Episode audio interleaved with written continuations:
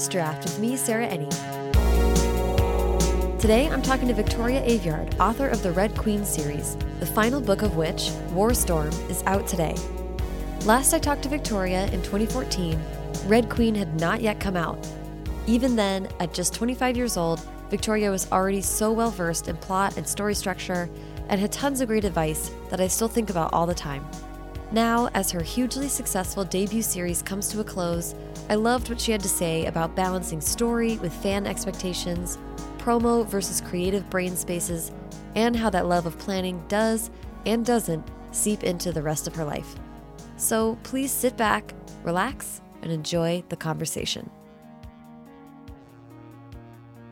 Thanks for having me over to your house. Yeah, thanks for having me back on this lovely podcast. I'm sorry it's been so long. no, it's been cool. It's I'm sure it will be an interesting experiment for someone to listen to the first and then listen to this one. Speaking of that, I can't in good conscience recommend that anyone listen to your original interview because the audio is so crazy. Mm-hmm. That was my very first recorder and my very first leg of my trip. Yeah.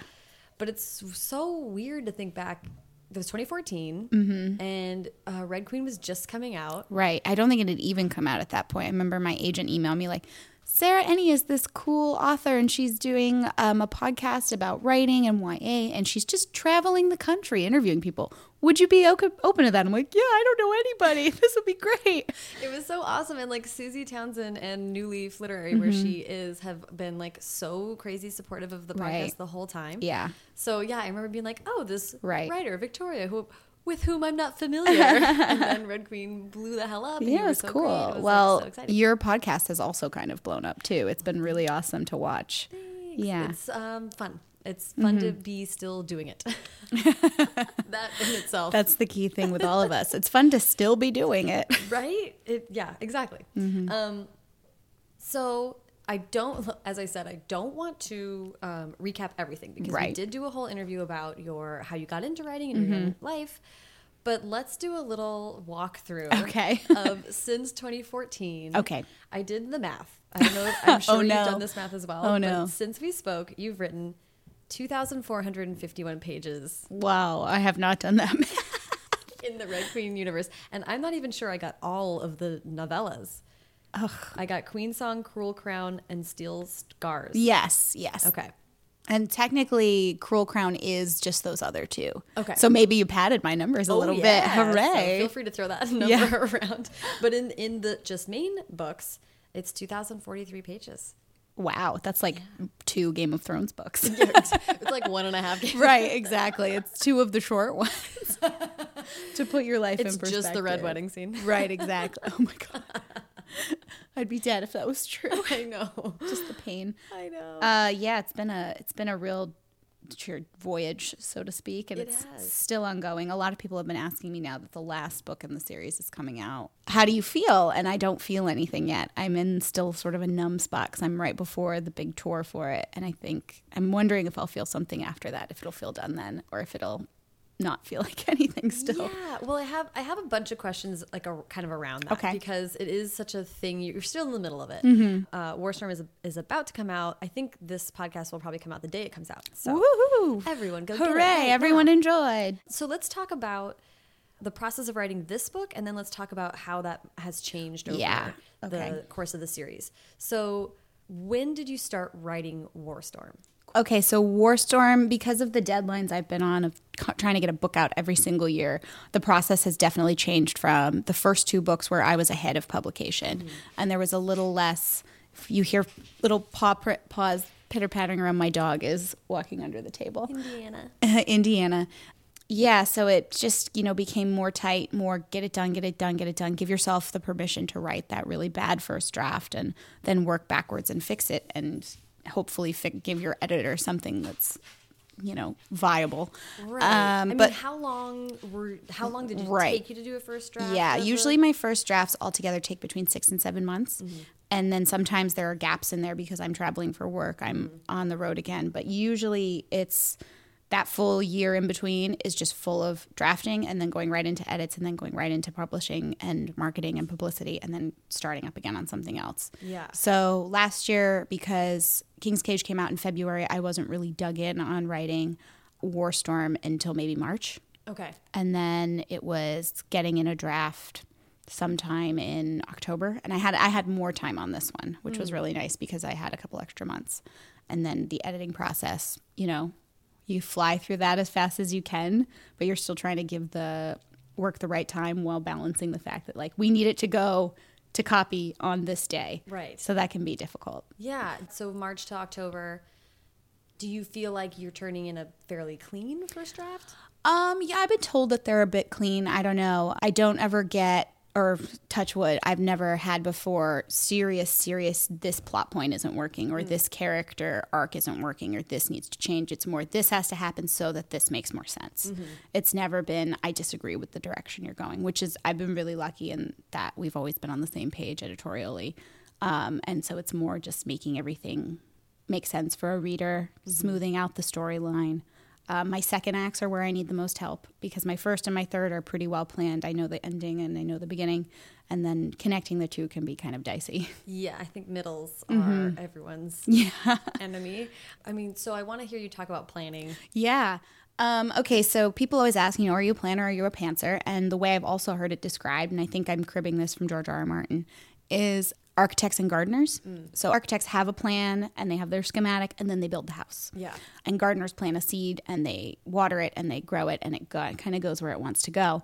For me, I would say I'm a gardener who plants tomatoes. So I have my sticks. this is a very extended metaphor that I use too much. Um, so you have your sticks and you plant your little seed and it grows kind of along that pathway, but takes its own little turns at the same time. I don't like outlining, but I know that I need to do it. I am really into structure, so it's weird to not like outlining, but also like structure. Right. Yeah. Coming from the film school background, something I was kind of hammered into me was the three act, eight sequence, two, four, two. Um, and that always has helped me sort of map out where I want to go. Even if the actual final draft doesn't align to that so well, it's a really great way to sort of get your skeleton together and then you can rearrange things later. Um, although my books, for the most part, sometimes I'll open them to the direct center of the pages and be like, this is literally the midpoint. Great. Look at you. Funny how that works Mhm, out. It's very paint by numbers sometimes. So it's funny to see someone who knows the structure break it down and be like, yeah, this is this is a one, two, three of how to do that. well, it's I mean, it's also funny because to some extent, I mean, I've used screenwriting stuff to like overlay on, right? Like you have a messy first draft and you're like, what's wrong? Oh, Right. let's look at how other people have structured things in the past and like it usually at least gives you a really good idea mm-hmm. of whether something's working or not. You know, and you went to school for this, so it's like in your head. Right. It's more um, because a lot of people ask like, did what craft books did you read? Because that's called that's Save the Cat, and I'm like, mm-hmm. yeah, I've heard that. I've I've just never read the book. It was just taught to me in the classroom, and I'm sure they were just going off of that basic structure because it's also in you know plays. It's been in novels for a very long time, and it feels. I mean, I don't want to say formulaic because that is a negative connotation, but I like the formula. And I find that audiences also like having something familiar that they can understand in their marrow, especially when they're reading fantasy or sci fi. So something that's a little weirder really benefits from having a structure that's familiar. Well, exactly. Mm-hmm. And also, like, as a writer, you're making promises, right? Yeah. I was talking about this with the context of like heist books and things like that. And rom coms. Mm-hmm. Right. Right. It- Yeah. the fact that everyone knows what's coming, but the satisfaction is in how you get there. Right. What those characters are like. Hitting the beats is actually a hugely satisfying thing for the audience. And like Mm-hmm. It a is. mystery. Like what we have all watched Law and Order. Right. Yeah. We want to see the twist. We want to see some form of justice in that kind of story. I think for fantasy, especially, you're making a promise that there's going to be an adventure, there's going to be a journey, there's going to be excitement, and there's going to be escalation. And the end is going to be bigger than the beginning was. Um, Lord of the Rings obviously does that really well, where you start at like a very pastoral birthday party for an old man, and you're ending at this massive worlds clashing siege in a city far away. It's always really cool for me to think back on that and be like, wow, that's the look at the fan and the way that worked. Yeah. It's it is so interesting to me though that you're like resist the structure at some point. Right. Uh, kind of. It's always funny when I find myself stuck too, because I will forget that I have my structure and I will forget that I've outlined somewhere. Oh. So, and then I will literally try and work myself into circles. And sometimes I'll find something new. And then sometimes I'll be like, wait a second, where did I write this down? I have something that I wanted to do here. And I'll go back and find it and be like, I feel like I'm cheating. This is so cool. And sometimes it does work. And sometimes you've written yourself to a point where that outline piece doesn't work anymore. And that always sucks. Um, but that's one of the reasons why I really like Scrivener now is because I can keep everything together. It also really helps for different points of view. But unfortunately, Scrivener isn't conducive to editing when you're editing with traditional publishing. So eventually it all gets transferred back into Word. And um, then Word inevitably crashes because when you're working with multiple edits of 700 and something pages, you get in real trouble. Oh my gosh, that is intense. Mm-hmm. Yeah.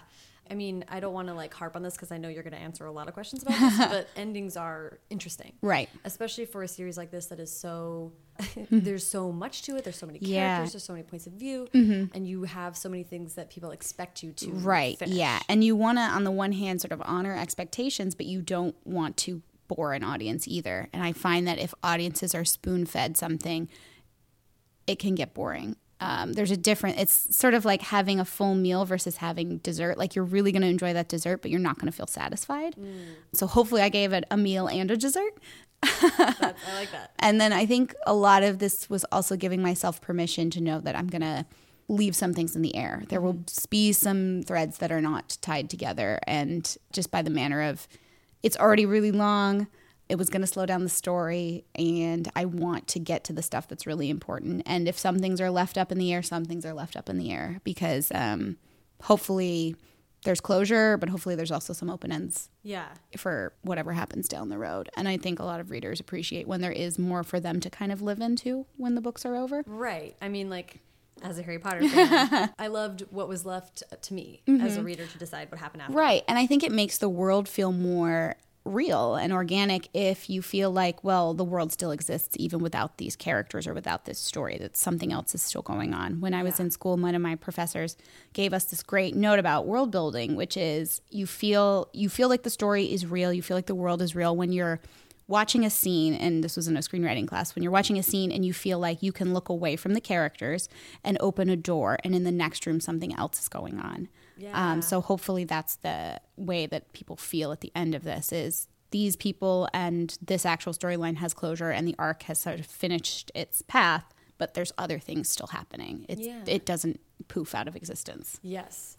And I'm really interested in hearing how you have balanced two things that I think are intention is how you wanted to end the story as your story, as a storyteller, and how much you know you're going to have to answer questions from fans about this series for many more years. it's interesting because you do kind of want to make things easier for yourself. Uh, readers ask, you know, how much of reader input do you take into stories? And I would say, I definitely think, and most writers do, like we listen, we want to know when we're doing something wrong. We're really open to constructive criticism. But as far as the actual core storyline and the core arcs, I don't think there's anything that I've ever changed because of what a reader said. Maybe I've included more screen time with someone because characters People like them and are responding to them. There's also been times where I'm like, I really know that this is going to mess with readers, so I'm going to do this. So, a particular character who everyone disliked in the first book, I was very excited knowing down the line I was going to make them like her.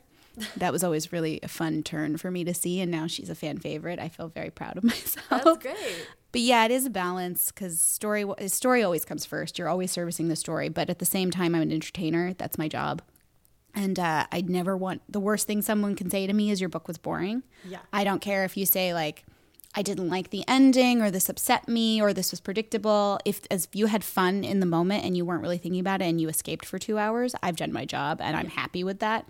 That's the thing that matters to me more than anything else. Yeah. Because it doesn't matter what you're saying with your creative work. If people aren't paying attention, it doesn't they're not listening. Right.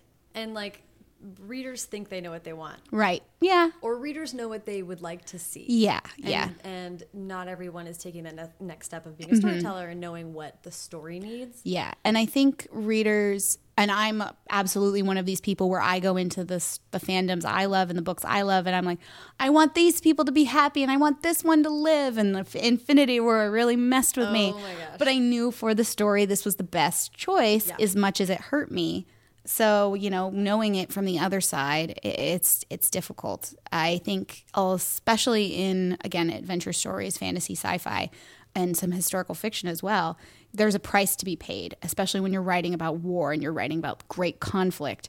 It it none of it will kind of ring true or seem worth it if there wasn't a price paid. It's really difficult to finish up a story like this and have everyone happy and everyone undamaged and everyone alive too. It renders it mm-hmm. kind of ridiculous. Right. Yeah. Yeah. It's like, okay, we made it through, but there was no cost eventually. Like it seemed like there was going to be a cost and it kind of invalidates everything that came before because there was no danger and you always want your audience to be worried. Yeah, which is, I think, not to. I've stumbled across this recently, so I don't like no spoilers. But which, what is Marvel's issue is that like we know the movies that are in development. I know that was at the end, again, no spoilers, but at the end of Infinity War when something massive was happening, I was like, oh my God, oh my God, oh my God. And then they got to one character and I was like, oh, this isn't going to stick. Yep. But there were a couple where I was like, crap, that was one of my favorites. I'm so angry. Yeah. But I am really excited to see where they go and I really enjoyed it. yeah. Oh, I super enjoyed it. and they but did a really good job. It's just, it's not their fault that we know yeah. things are coming down. And they're not going to do that to that one particular character. And it's, it's such a. I mean, like I feel like that's such a benefit to writing books. yeah. is that you don't have Yeah. necessarily this like because someone I was listening to the Empire podcast and they were talking about Infinity War and they were like, you know, Marvel has one and Marvel's creative team has one set of needs and then Disney of Mm-hmm. course wants to tell you that there's three more movies featuring whatever character coming Right. up. Marvel's like, no. yeah, you're kind of cutting us off at the knees here, guys. But I know the stockholders want to know that this billion dollar franchise is continuing. gonna continue exactly. uh, yeah. but anyway, so we don't have billion dollar stockholders. Yet. Yes, yes, exactly. Next step. But part of the reason why I'm asking that is because you are like w- one of the authors who is maybe mo- more engaged with fans. Like You do a whole lot of fan facing interaction online and stuff like that. Um, you just went to Australia. You're gonna go on Yeah, it was cool. And in an interview with Entertainment Weekly, you were talking about how the promo side of things sort of uh, negates the creative side. That you have a hard time doing the two at once. Right. Yep.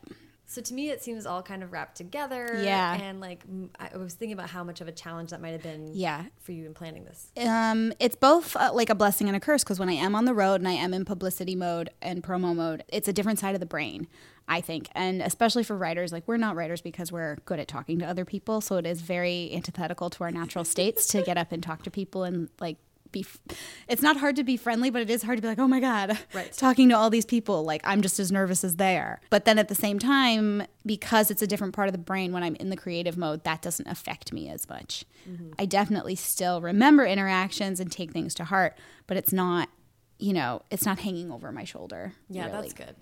I mean, how did that d- develop? Did you always feel like you could find that balance? Um, I don't know. I think when I first started, I really did try to work, like working on the plane, working on the road, doing edits, that kind of thing. And then eventually, after, especially after talking with other authors, were like, you got to give yourself a break. I, the majority of the stuff, the best stuff I've learned in this industry has all been from talking to other authors who have all been so generous with their like time and advice.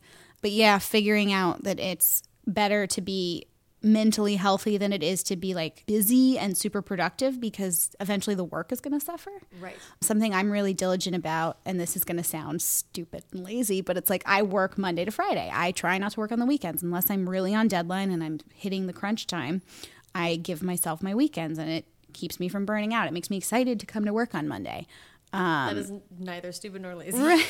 but it's like, oh, I make myself treat it like a real job because it is easy to get caught up and it e- is easy to get lost in this. Um, Well, and also, what I keep coming up against is like, it's not in publishing's interest Right. to tell you to work less hard. yes. They are never going to, they're always Right. going to do one thing, which is make you feel like you need to do more. Right. Yep. I understand it from the business standpoint of a book a year. I understand that you want to keep your audience engaged because because there's so much out there that if they're not getting it from you, they can get it from somebody else. And that sounds horrible. Yeah. um, but it's true, and I understand it. But at the same time, it for some people, it's not necessarily conducive to good creative work to be putting out a book a year, Yeah. depending on what the book is. And there's the whole other side of the job that we're not really aware of when we start. And it, you're lucky to be able to do that other side of the job because there are, you know, it it's only happens at certain levels where you're promoting, you're touring, you're doing publicity, and you're getting a lot of help because I'm getting a lot of help from my publisher. They're very supportive of me. And there's a lot of stuff that I can't do that other authors are doing for themselves. And I don't know where I would be if I had if it was all on me. Yeah, yeah, it's wild, and that's Mm-hmm. actually the balance for mid-list authors or authors who aren't getting as much Mm-hmm. Authors support. who have full time jobs Yes, or oh families or both, which uh, I don't know how anyone manages that. Yeah, it's wild. And finding that like like holding back and saying I just can't do X, Y, or Z thing. Right. Because it takes too much. Yeah. is a and hard thing It is really hard for all of us to say no or to say no, to say no because at the end of the day, we're like, this is my dream job and I should be willing to bust my ass for it every single day. And the reality is that's not healthy. Um, I think a lot of people also glorify being busy. Yes. It's one of the it- like social media is a double-edged sword. We're always trying to show some people are we're always trying to outdo each other. Everyone does it. Yeah. but sometimes it gets to the point where you're like my god enough. This isn't like helpful to anybody. This is misrepresentative to readers and aspiring writers and i just don't get it. Yeah, you know, we were just talking about this, a few friends and I yesterday about like, it sort of was in, within the context of being very like American, Mm -hmm. yes that is very true It's sort of inextricably a part of it is being American. Yeah, having um, the sense of like value coming from working questionable hours. Right, exactly. And I do think it is also a more European thing to think it's crude to talk about money and it's crude to talk about what you're doing and how much it, you have.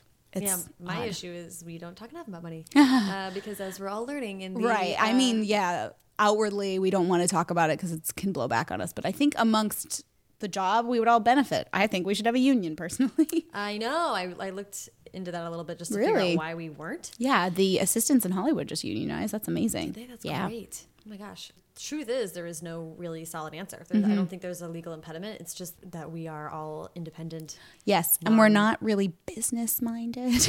At least I'm not. I have met some authors who are amazing businessmen and women, uh, but it ain't me. Nope, not me either. I was like, oh, that's why no one wants to. Mm-hmm. And that's all would take away from your creative time. It's all wild. Right, and right. It's unlike Hollywood where you're like, well, we're all in town. Yeah, yeah. It's like writers are in shacks somewhere. You know, it's Yes, hard to unionize yes. that way. But anyway, uh, you did a great interview with Brendan Reichs on GW, which was a lovely, hilarious interview. Our with you guys. email exchange, it was pretty good. it was so funny. And in there, you were talking about the editing you were doing at the line editing stage. Mm-hmm. And your quote was, This draft is a whale and not in a good way. and I just was curious about that's like kind of down to the, I, like, can you explain what line editing Right, yeah, what yeah. you're doing at that stage? I sometimes mix up line editing and copy editing too. Um, so line editing is you're going through it line by line, and you're still taught thinking about like word choice. You're still thinking about content a little bit. Copy editing is more this comma needs to be here versus here, and here's all the grammar mistakes you made, and you're always just kind of like. "Ah." Right. And I remember with this book, we were one of my edit notes was, "Can we try and get the word count down? Try and get the word count down." And I was trying to do that, but at some point, I just kind of again gave myself permission to be like, "It's going to be longer."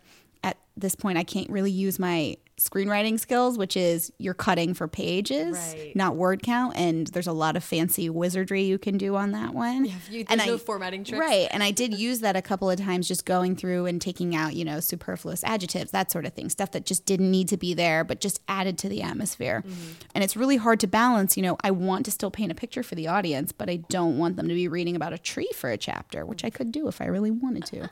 Also, from a vanity standpoint, a fat book makes me feel really accomplished. well, I do. So that was part of why I wanted to ask mm-hmm. you that because though I just listed off the total pages, I'm gonna throw numbers at you. Cool. So Red Queen was 383. Glass Sword is 400, 444, which I love that you managed that.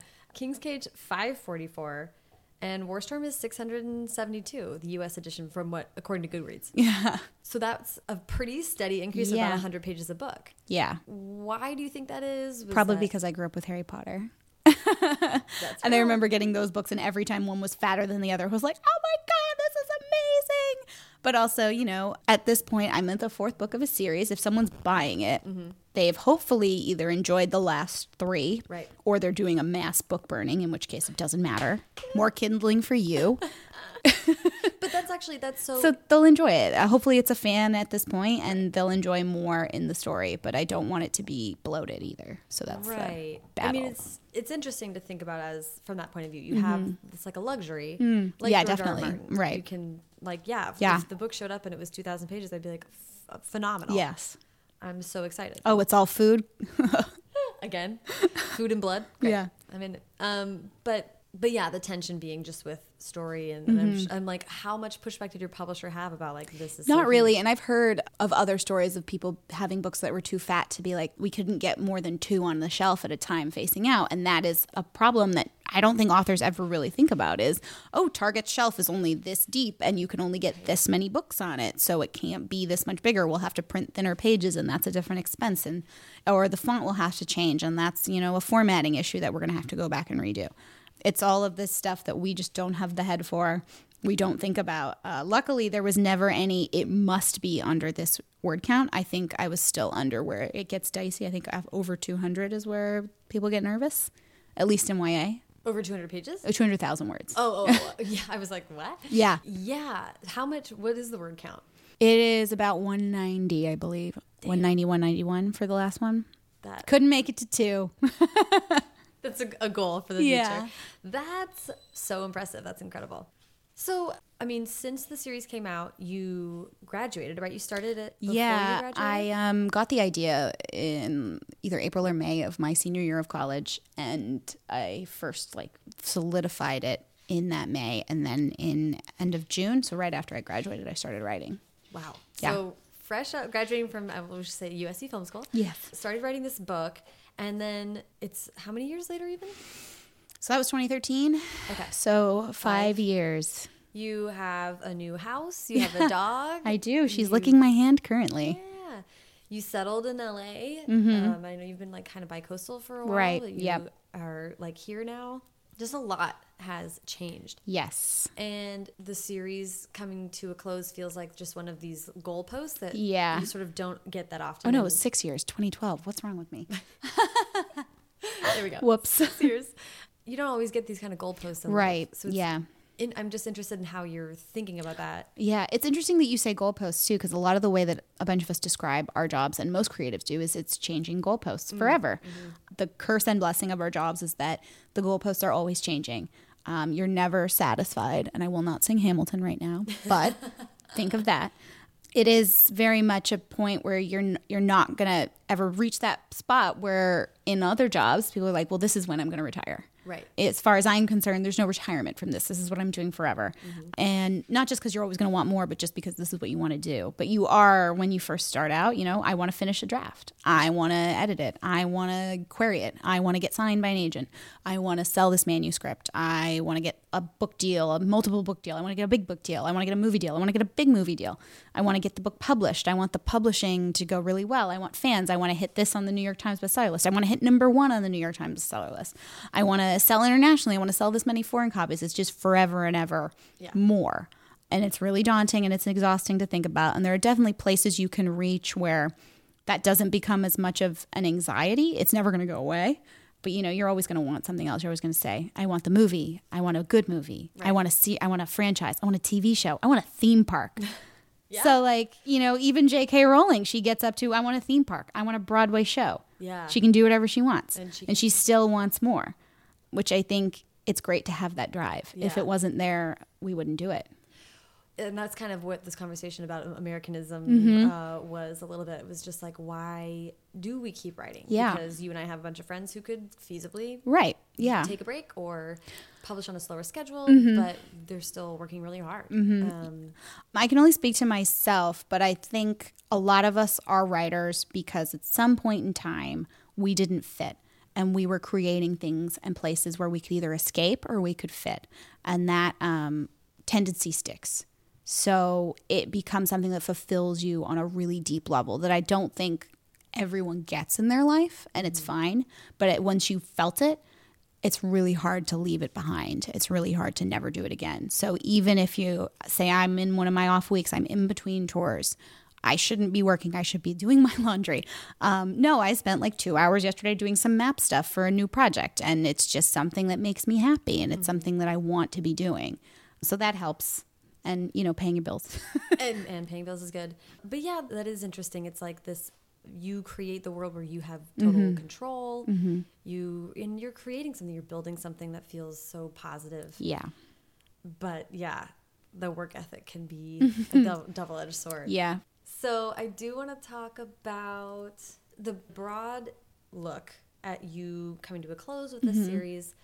And the more I was thinking about it, the more I was like, you can't ever really move on from a series like this because fans are so engaged, Mm-hmm. because the books will be out there for a long time. Touch wood. yes. Yeah, exactly. It's like it, like you, we should be so lucky to have books follow us, Mm-hmm. but then Yeah. books follow you. Right. And you want to move on Mm-hmm. and turn the page and move on to other projects. How do you think about how this series will continue to play a role in your life? Um, I definitely get nervous about new stuff because I, I, again, I think you make a promise to readers with, you know, the first chapter of a book, you're making a promise for that book. With the first book in a series, you're making a promise for that series. With your first book, you're sort of making a promise to readers of what you like and what you're doing. And obviously, writers grow and change and become interested in different things but the core is still there, hopefully. So I'm hoping that the next series has that core that readers latched onto in this one. You're always nervous that no one's going to follow you to the new sandbox, and that's part of the game, I guess. Um, I did have a lot of conversations with my agent talking about what I should do next, what stories I had in my head, what fit best to work on. And I've also talked with other authors about you work on this so that it's an easier transition to this for your readers. That's also smart business, but at the same time, like, I don't know if I'm able to write that third thing yet. I'm not good enough. Um, but this is something I really love and I want to do, and it's a more natural fit. It was very much a mid midlife crisis, quarter life crisis when I looked at the calendar and said, well, here's release 2019 and here's release 2020 and here's summer, spring, fall release dates. And this would come out here if it came out here. And then this one would have to come out here. And this is the time I would have to write this. And then I would start this one here. It was just like, ah, I'm going to be 30. Wow. I mean, how did you think about that? I love to plan. I really, which is weird for not liking to outline. I like to plan. I like my lists. I like my schedules. Everyone I know is is kind of like Victoria, calm down. We don't need to nail down exactly what time we're going to the movies tonight, but we have to buy our tickets. And we have to get our seats, and we have to do this, and we're going to get there at five forty-five, and then we have time to get this. That's me. I love it. So uh, planning out on the one hand felt very therapeutic and like I have a grasp on this, but then at the same time it's like, oh my god, this is what I'm going to be doing for the next four years of my life. Right. One of Which the you have like just done, but I didn't know going in that it was going to be that, which is nice. I mean, they put blinders on animals for a reason. It's been a really amazing journey, but I think I really benefited from not knowing how it was going to go and not knowing the things I should be afraid of and not knowing the bullets I was going to have to dodge until after it was over. Mm-hmm. And then I can look back and be like, whoa, mm-hmm. I got lucky. Yeah. And for a writer like you, like not all writers have to deal with this. Some, um, people who write standalones. Right. can pivot and just approach things differently. You Right. Are really like making a four. You're going to college again. Yeah, it is a it is definitely a commitment, which is interesting to think about. But I, I also am hoping to start layering in other projects as well. This one has been really time intensive, and I'm not good at working at two projects on two projects at once. But I am really wanting to do other things. It's just finding the time and finding like the endurance in myself. I'm also a really lazy person, so doing that and getting off my butt and making myself do things is difficult. yeah, yeah, I uh, can relate to that. Mm-hmm. I'm I'm also interested though in like how it struck me that like I was thinking about you six years ago, Mm-hmm. like what you're interested in talking about, Right. Not not even necessarily genre or stuff like that, but like what you're mining. Yeah. you know, it's just you're at a different phase of life. Right. Yeah, that's true. And one of the things with YA that's really great is not just because you can mash genres and mash tropes and the the beauty of YA is that it's such an umbrella. It catches so many things and readers are ready to field so many things. Um, but also the at its core, it's people figuring out who they are and making choices about who they are, which is something everyone can relate to. So I think in Red Queen, that was something I was really focused on. It was not just people choosing who they are, but people who were made by their parents or by their their circumstances and realizing what was them and what wasn't them mm-hmm. and then figuring out if they can get around the pieces of themselves they don't like or create more of them. So the next project is definitely still got that at its core is someone figuring out who they are and what kind of power they have or what kind of control they have or don't have. And then also there was stuff where I was in Red Queen writing and I was thinking, I want to do more of this, but it doesn't fit this story. And this kind of thing interests me, but it doesn't fit this story. So it was mm-hmm. just kind of filing away stuff for later. I had had some moments of real like creative juices flowing where I was in a museum exhibit and I was like, I want to write this story. And that's an adult fantasy that's I'm still way down the road. And then this other one was more thinking about what I loved as a kid growing up, what I wanted to read, and what I couldn't find. So this one is more why it's a more high fantasy. It's a YA still. It's a total second world, so I'm going to have really a lot of fun world building and working on that. And I'm probably world building way too much. This is the next project. Yeah, Okay. this is the one I'm working on right now. And doing sort of the backstory and history and the heavy lifting so that later on, something I learned with Red Queen is I don't think I world built it enough for that. And I was running into issues later where I was like, I haven't established this, but I Mm-hmm. need it to be there. So now I'm hoping to get as much of that work done beforehand so that if I need to look up something, it's right there and I can talk about it. Yeah, you did a lot of research for American history for Red Queen, right? Mm-hmm. Yeah, a good amount. And just world history in general, a lot of dictators. yeah, yeah. A lot of light stuff. Yeah. It's not American history yet. Right. Yeah, right, right. yeah, exactly. but was that a conscious choice for you, wanting Mm-hmm. to say, I want to pivot to? Kind of. I mean, fantasy, high fantasy especially, is something I've always loved and always been interested in. And Red Queen, that world didn't fit a high fantasy setting.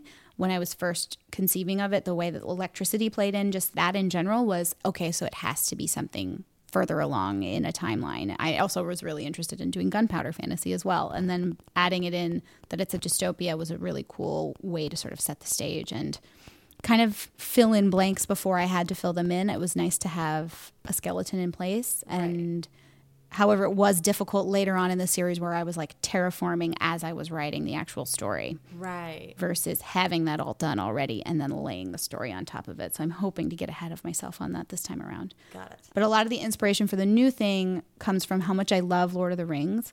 And even though I loved it so much, it was something that never really felt like it loved me back. It's not a story that has a lot of room for women or people of color or anyone of any kind of marginalization. So, you know, I was, you know, a 13 year old white girl and I was having a hard time finding myself in some of the stories that I loved.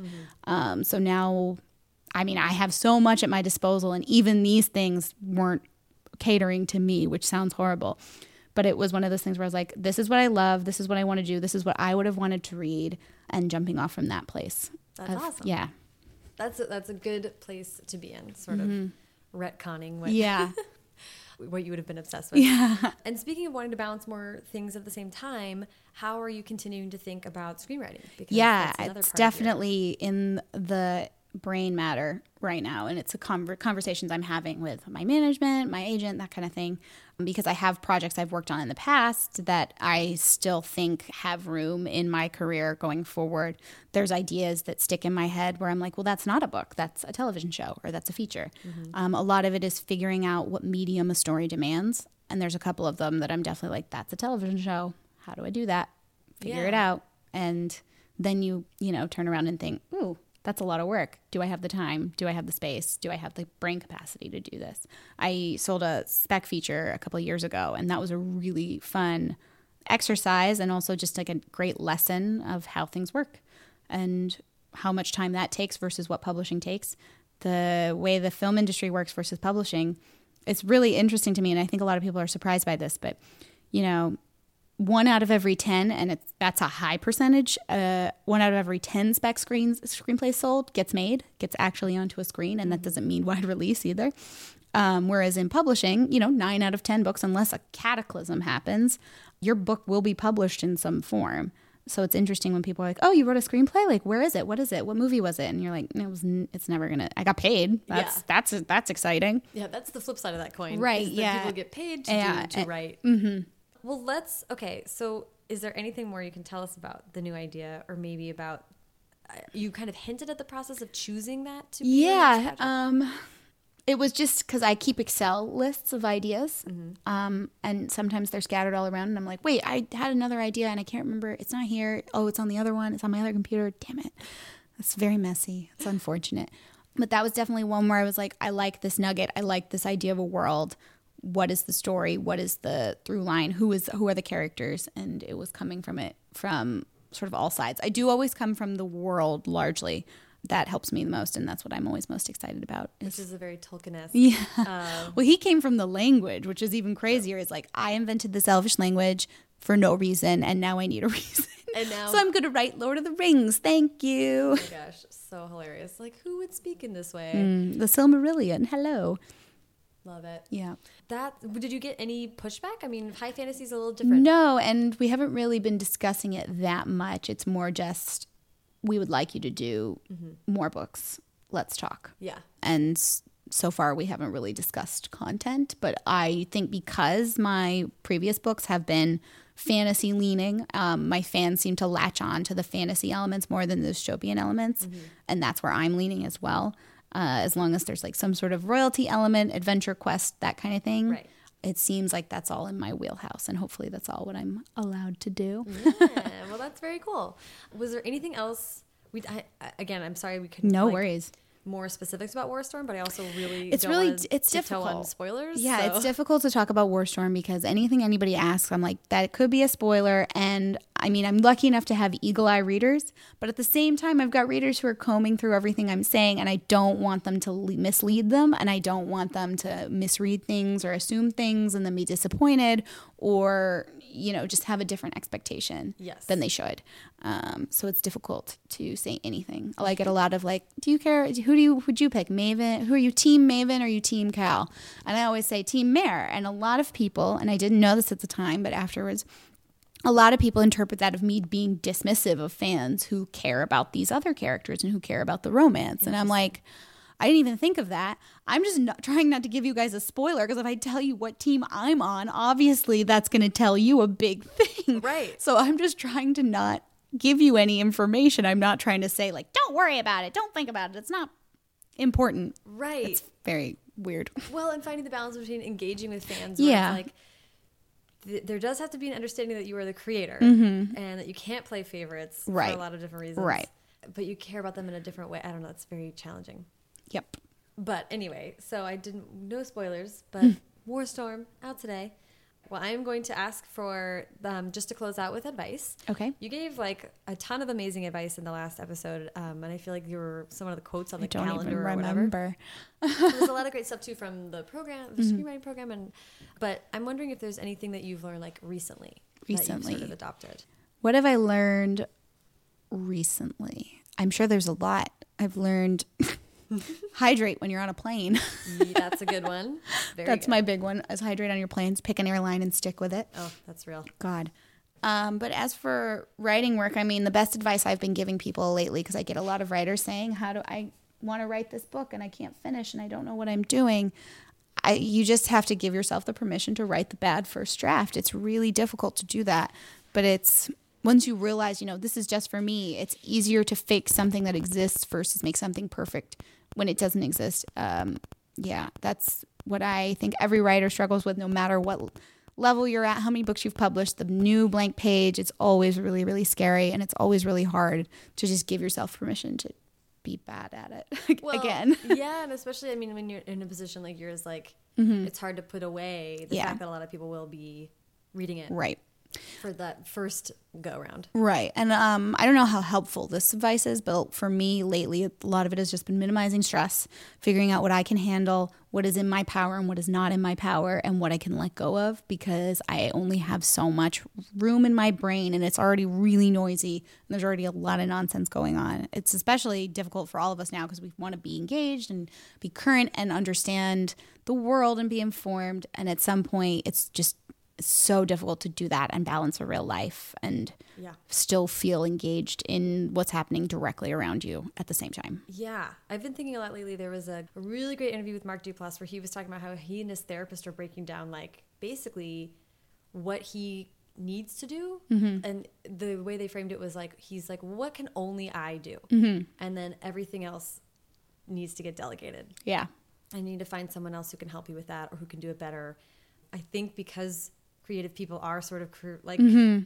We're very precious about our stuff. yeah, that it can be really challenging. But it was that was such a useful thing for me to hear him say. It was like Right. literally took a therapy session to talk about what yeah. you can't handle. I think we're precious and we're also not doormats, but we have a hard time asking other people to help us because we're so used to being in control of everything. And I don't know, maybe this is me, but when I was in school, I hated there was always a mandatory come into the professor's office once and ask for help with your work. and let them break it down with you. And I always was like, no, I don't want to do that. I hate doing that. I can't like I don't want anyone to see it before it's done. I'm very like embarrassed. I can't even, you know, pitch things even now when people are like, "Oh, what's your book Red Queen about?" I'm like, "Oh, people's superpowers is stupid. Don't worry about it." It's it's difficult still and it's always going to be difficult. And You're always going to sort of revert to that nerdy little kid who's like, "It's fine. It's my fan fiction. It's okay." Don't look at me. I love that. But it's hard. It's hard to it's hard to ask for help story wise. It's hard to ask for help life wise, and that's something I think everyone's kind of learning how to do. Yeah. Did you go into the professor's office? I did, and I hate. Well, no, one semester he's like, "You never came in for your meeting. I'm gonna have to dock your grade," and I was like, "Yeah, it's only five percent. I still have an A." I'm cool. cool. That's so funny. Thank you so much for uh, taking a morning to chat with me. yeah, thank you. Thank you so much to Victoria. Follow her on Twitter and Instagram at Victoria Aveyard, and me on both at Sarah Enni and the show at First Draft Pod. You can also find the show on Facebook, but for links to everything Victoria and I talked about today, as well as a link to sign up to my newsletter, a searchable archive of all previous episodes, and transcripts, be sure to head over to firstdraftpod.com. If you like what you heard today, please subscribe to the podcast on Apple Podcasts or wherever you listen to podcasts, and leave a rating or review on iTunes. Every five star review makes me feel like I've mastered the power of lightning. This week, I will be helping Maurene Goo launch her newest YA, The Way You Make Me Feel, at the Ripped Bodice in Culver City, California, on May 16th at 7 p.m. Maurene is the best, her new book is the best, and The Ripped Bodice is the best, so it will be an event for the ages. Don't miss it. I'll also be at BookCon in New York City on June 2nd and 3rd in the Javits Center. I'm moderating no fewer than five panels that weekend, including one with Victoria, so check out the events page at firstdraftpod.com for all the details. Haley Hirschman produced this episode. The theme music is by Hash Brown, and the logo was designed by Colin Keith. Thanks to super intern Carter Elwood and transcriptionist at large Julie Anderson. And as ever, thanks to you, writers of future American history, for listening.